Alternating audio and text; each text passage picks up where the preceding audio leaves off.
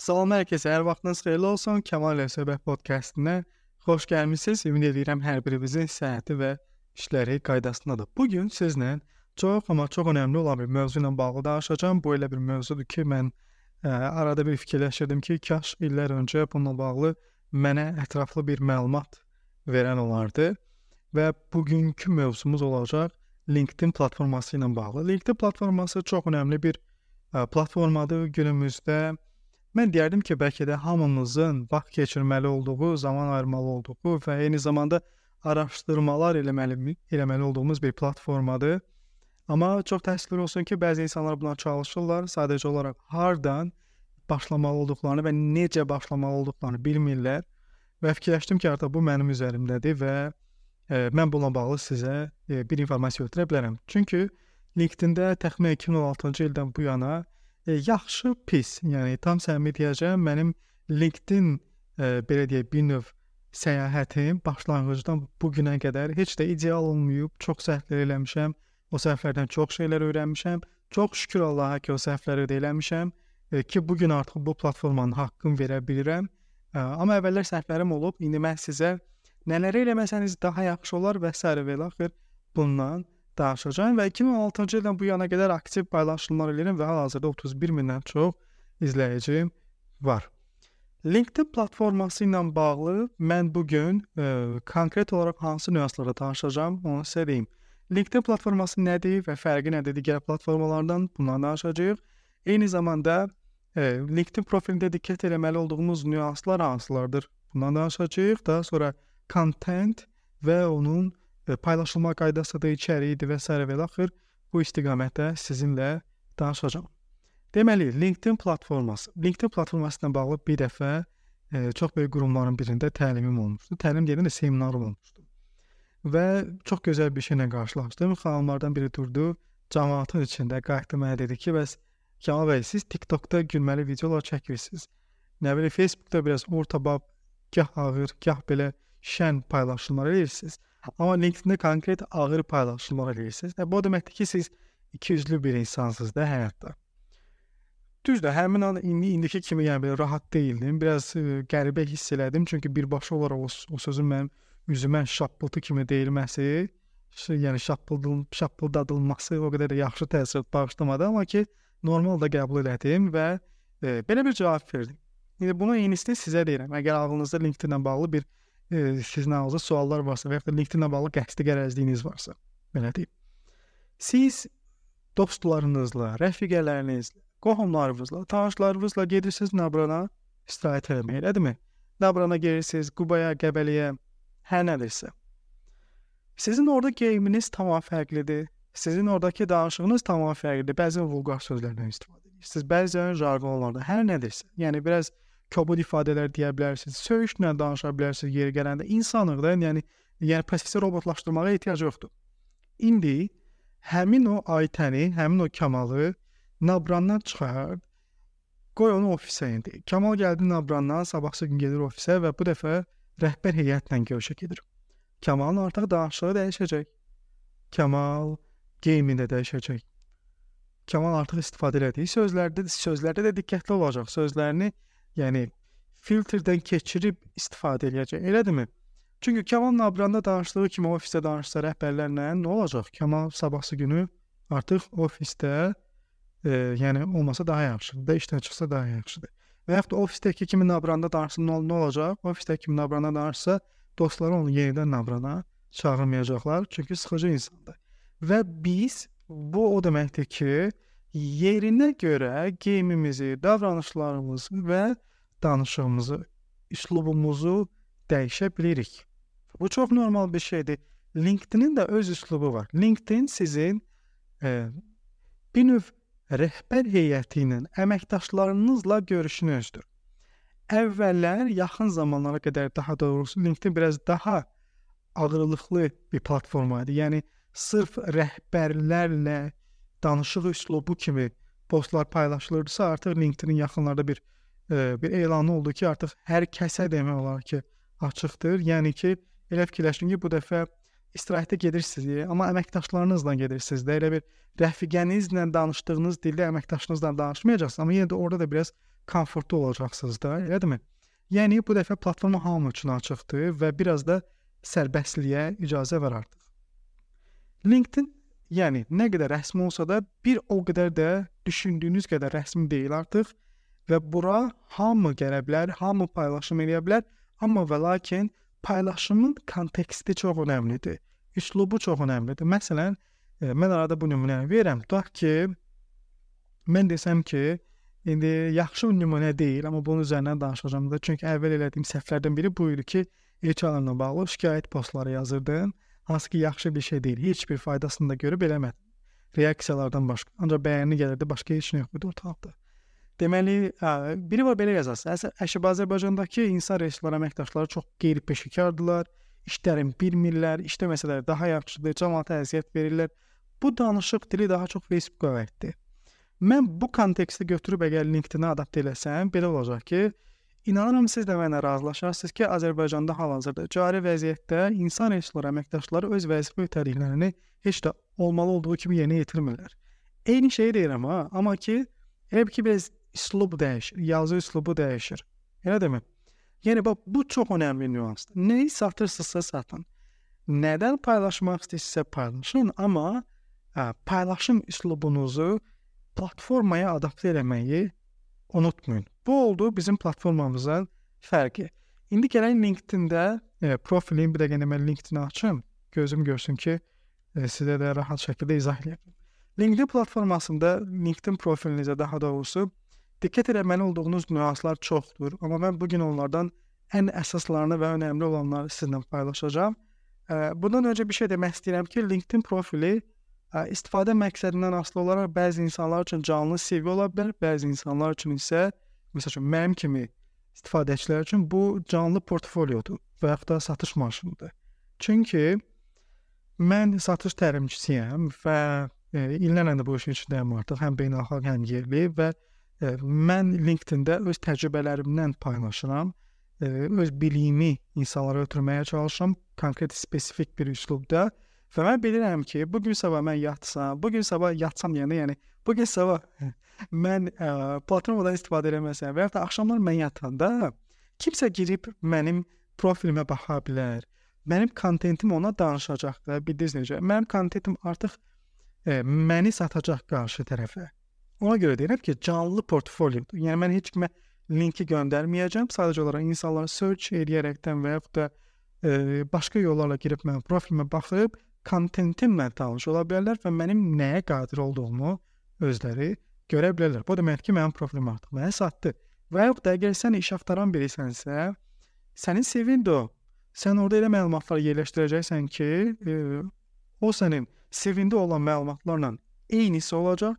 Eyni zamanda sən işinlə bağlı bacarıqlarını, bacarıqların mövzusunda e, bir post da paylaşsan, kontent də paylaşsan, artıq sənin səhifənə girən və sənə iş təklif etmək istəyən HR-a e, sən artıq birbaşa olaraq belə bir mesaj ötürmüş olacaqsan ki, qardaş, mən HR üzrə iş axtarıram, eyni zamanda bir bacarığım və bir biliyim var da bu istiqamətdə. Gir mənim hesabıma bax. Artıq siz o istiqamətdə də kontent paylaşanda bu sizin bacarığınızı bir növ bacarığınızı bir növ ə, yəni onlayn şəkildə təsdiqləyir həm də. Ona görə də həm də bunu canlı CV kimi də adlandırmaq olar. İndi gələk deməli bizim ə, profilimizə. LinkedIn profilində ən önəmli nüanslardan biri sizin arxa fon şəklinizdir. Mən bunu çox vaxt təlimlərdə deyirəm, seminarlarda deyirəm. LinkedIn profil şəkliniz, e, üzr istəyirəm, arxa fon şəkliniz sizin hesabınıza daxil olan insanlara sizlərin ötürmək istədiyiniz məlumat, mesajın 65-70%-dən rahatlıqla ötürə bilər. Yəni siz orada qeyd edə bilərsiniz özünüzün vizyonunuzu, hansı işləri görürsüz, hansı problemi həll edirsiniz. Yalnız bir cümlədə bunları əks etdirə bilərsiniz. Həmin arxa fon şəklinin elə aşağı hissəsində telefonunuzu və ya da e-mailinizi qeyd edə bilərsiniz kontakt üçün. Artıq o şəklə baxan əgər sizin statusunuzdan belə belə deyək, həmin o cümlələrdən təsirlənibsə birbaşa olaraq sizə yaza bilərlər. Mən özümdən nümunə verəcəm. Mənim hal-hazırda arxa fon şəklində yazılıb ki, məhsulun qiymətə qədər danışığının keyfiyyəti olsun. Bu mənim özümün sloqanımdır, sloqanlarımdan biridir və bu sloqanın özü təkcə səbəb olub ki, nə qədər insan mənə yazsın və məhsul almasa da belə maraqlanıb görür. Sən nə demək istəyirsən orada və mən artıq bunun vasitəsilə insanlarla dialoqa başlaya bilirəm. Bəzən bu elə olur ki, əməkdaşlığa da keçir. Arxa fon şəkli çox əhəmiylidir. Ən birinci nüans budur və bunu əlbəttə ki, Canva-da hazırlaya bilərsiniz ödənişsiz olaraq. Daha sonra gəlir profil şəkli. Profil şəkli ilə bağlı yumorlar gəzir, belə deyək. Profil şəkli ilə bağlı əslində insanlar yumor deyirlər ona, yoxsa söz söz söhbət deyil, yoxsa nəsə deyirlər. E, söz söhbət gəzir deyirlər də deyəsən. Profil şəkli ilə bağlı e, insanların e, yəni fikir ayrılığı çoxdur da. Hərənin ağzından bir avaz gəlir. İndi bir ağızdan mənim ağzım. Mən də bir şey deyəcəm. Amma inanıram ki, bu ümumi bazardan bazara analiz edib çıxardığım bir nəticədir ki, profil şəkliniz sizin işinizə uyğun olmalıdır. Yəni ki, mən əgər marketinq əməkdaşıyamsa, marketinq biraz rahat sahədir, rəngarəng sahədir, elədirmi? Onda mənim geyimimin rahat olması, yəni e, çox da belə qalstuk, pencəyin olmaması normaldır. Hər nə şəkil qoyursunuzsa qoyun, unutmayın ki, sizin şəkliniz olmalıdır orada və sizin şəkliniz hesabınıza daxil olan insanda sizlə bağlı bir təəssürat yaradacaq. Həmin o təəssüratın necə bir təəssürat olmağını istəyirdiniz? Bax, ona uyğun o suala cavab olaraq şəklinizi özünüz təyin edəcəksiniz. Artıq onu özü deyə bilərsiniz ki, Kamal, mən istəyirəm ki, mənim qalstuklu bir şəklim olsun, qoy görsünlər ki, mən çox professional biriyəm və yaxud da Mən qarşı tərəfə ötürmək istəyirəm ki, mən kulam, çox rahatam, eyni zamanda professionalam. Bu o demək ki, mən semi formal olacaq, mənə yarı formal geyimdə olacağam, üslubda olacağam. Və sonra belə axı bu sizin özünüzdən asılıdır. Bunun özünün xüsusi bir qaydası, qanunu yoxdur. Sizin strategiyanız nədir? Hansı istiqamətdə kontent paylaşırsınız? Platformanı niyə istifadə edirsiniz? Bax, bu strategiyaya əsasən artıq şəkliniz də müəyyən olunmalıdır. Daha sonra gəlir Sizin adınızın aşağı hissəsində headline, başlıq hissəsi var. Başlıq hissəsi bizim istifadəçilərdə çox xəfifə alınan bir hissədir ki, insanlar buna əslində çox da lazımı olan enerjini, lazımı olan ağırlığı qoymurlar. Məsələn üçün, ağırlıq deyəni yəni? Bu headline hissəsində siz qısa olaraq, yəni belə deyək də, mən e, kimlər üçün hansı problemi həll edirəm, bu düsturda bir headline hazırlamalıyıq da. Məsələn, mən e, tutaq ki, mən həqiqətən də bunu planlaşdırıram, amma call center əməkdaşlarının daha çox satış bağlaması üçün e, nə bilim satış texnikalarını mənimsənməsinə yardım edirəm və yaxud da daha çox e, daha çox satış bağlamalarına yardım edirəm, belə deyə bilərəm. E, sonra qeyd edə bilərəm ki, 8 il beynəlxalq və yerli satış təcrübəsi olan təlimçi. Elə də indi biz burada ola bilsin ki, spontan deyirəm indi sizə. E, sadəcə olaraq siz hər nə problemi həll edirsinizsə və təcrübəniz nədirsə, bunların hamısını özündə ehtiva edən bir cümləni qeyd etməyiniz çox yaxşı olardı və niyə çox yaxşı olardı onu da deyəcəm sizə. Məsəl üçün siz gedib e, indi mənim səsimə qulaq asarsa da yaza bilərsiniz bunu. Gedib kiminsə postuna şərh yazanda həmin o şərh görsənəcək postun altında. Amma eyni zamanda orada sizin həm profil şəkliniz görsənəcək, həm adınız, həm də headline-ınız göstərəcək. Bu o deməkdir ki, mən gedib auditoriyası çox geniş olan bir istifadəçinin e, postun altına şərh yazsam və o şərhim mənalı, yaxşı bir şərh olsa və mənim headline-ım yaxşı olsa, artıq mənim şərhimi oxuyan isə insan headline-ımı da görəcək və headline-ım onun diqqətini çəkdiyi təqdirdə o adam mənim artıq hesabıma daxil olmuş olacaq. Bu artıq bir növ ingilislər demiş hookdur da, qırmaqdır. Elə bil mən onu özümə çəkirəm. Ona görə burada diqqətli olmaq lazımdır. Mən kimin hansı problemini həll edirəm? Baxın, bu düsturda uyğun olaraq artıq bir headline özünüz üçün hazırlamalısınız. Daha sonra LinkedIn profildə həm də e, featured hissəsi var. Yəni önə çıxanlar. Bunu yəqin ki, Instagramda bunu görmüsüz, highlight hissəsidir. Sadəcə olaraq Instagramdan fərqli olaraq burada sizdə həmin o highlight featured hissəsi daha böyük ölçüdə görsənəcək və çox gözəl bir şeydir. Məqsədim çox gözəl satış alətidir. İş e, iş axtaran insanlar üçün də çox gözəl alətdir ki, e, rahat şəkildə iş tapa bilsinlər. Çünki siz burada CV-nizi qeyd edə bilərsiniz, siz burada portfolyonuzu qeyd edə bilərsiniz. Siz həmin o hissədə hesabınıza daxil olan insanların hansı postunuzu görmələrini istəyirsiniz. Həmin o postu da rahatlıqla yerləşdirə bilərsiniz. Oldumu? Sonra gəlir burada activity hissəni, hissəniz. activity hissəsində əslində sizin eləyə biləcəyiniz, yəni düzəltməli olduğunuz bir şey yoxdur, lakin sizin burada çox ehtiyatlı olmalı olduğunuz bir şey var. Bu mənim əvvəllər elədiyim səhvlərdən biri idi. Mən əvvəl çox neqativ yönümlü postlar paylaşırdım. Yəni özümü çox da yıxıb sürmək istəmirəm. Yəni, o qədər də pis deyildi, amma ki biraz elə bir neqativə yönümlü idi də. HR-ların qeyri-professionallığı ilə bağlı yazırdım, rəhbərlərin qeyri-professionallığı ilə bağlı yazırdım. Biraz aşırı abartırdım, amma olanı yazsam da çox təəssüf olsun ki, bu mənə heç bir faydası olmadı. İnsanlar alqışlayırdılar, amma ortada heç nə yox idi və topladığım auditoriya da yanlış auditoriya idi. Onlar da şikayətlənən insanlar idi. Nə olurdu? Mən neqativ post paylaşanda və yaxud da mən neqativ hansısa bir postda şərh yazıb təsdiqləyəndə həmin o postun mətnini LinkedIn elə bir platformadır ki, mənim hesabıma girən insan girib activity hissəsindən hansı postlara şərh yazıramsa, o şərhimi də görə bilər, postları da görə bilər. Yəni birbaşa olaraq mənim hansı kontentdə maraqlı olduğumu görə bilərlər. Bu çox təhlükəli bir şeydir. Siz ağız dolusu danışa bilərsiniz özünüzdən bağlı, amma hansısa bir pis bir postda e, qeyri-etik bir postda şərh yazırsınız və onu bəyənirsinizsə, hansısa bir HR və yaxud da sizə iş təklif etmək istəyən insan girib onu görsə ki, Kamal ağız dolusu danışır özü ilə bağlı çox gözəl, amma məsələn kim hansısa bir qeyri-etik postu bəyənib və onu təsdiqləyici bir şərh yazıb sonra, o deməkdir ki, o qədər də yaxşı biri deyil. Elədir? Yəni bizim şərhimizi görə bilərlər və yaxud da şərh olmasa da hansı postu bəyəndiyimizi görə bilərlər. Ona görə də maksimum dərəcədə ehtiyatlı olun, çünki mən buna görə hətta işimi də belə itirmişəm. Daha sonra gəlir ən önəmli hissələrdən biri ilahi. Bu hissə çox önəmlidir. Bu hissəni qaçırmaq çox böyük günah olardı. Bunu eləməyin. About hissəsi haqqında hissəsi.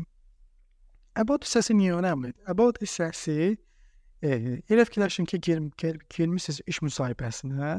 HR isə sual verir ki, mənə biraz özünüzlə bağlı danışın. Və yaxud da mən getmişəm satış təlimi ilə bağlı A şirkətindən danışıram və A şirkəti mənə deyir ki, Kamal bəy, biz sizin xidmətinizlə bağlı öncə eşitmək istəyirdik. Siz kimsiniz? Hansı xidmətlər təklif edirsiniz? Xidmətiniz hansı problemləri həll edir və s. və axır. Mən həmin o suala necə cavab verəcəm? Bax, həmin o cavabın eynisini əbat hissəsində strateji olaraq bəzi nüanslara diqqət etməklə qeyd etməyimiz şərtdir. Yəni mən kiməm? Hansı problemləri indiyəcən həll eləmişəm? Sənə hansı problemlərin həlli yolunu təklif edirəm və bunu əldə etmək istəyirsənsə mənlə necə kontakta keçə bilərsən?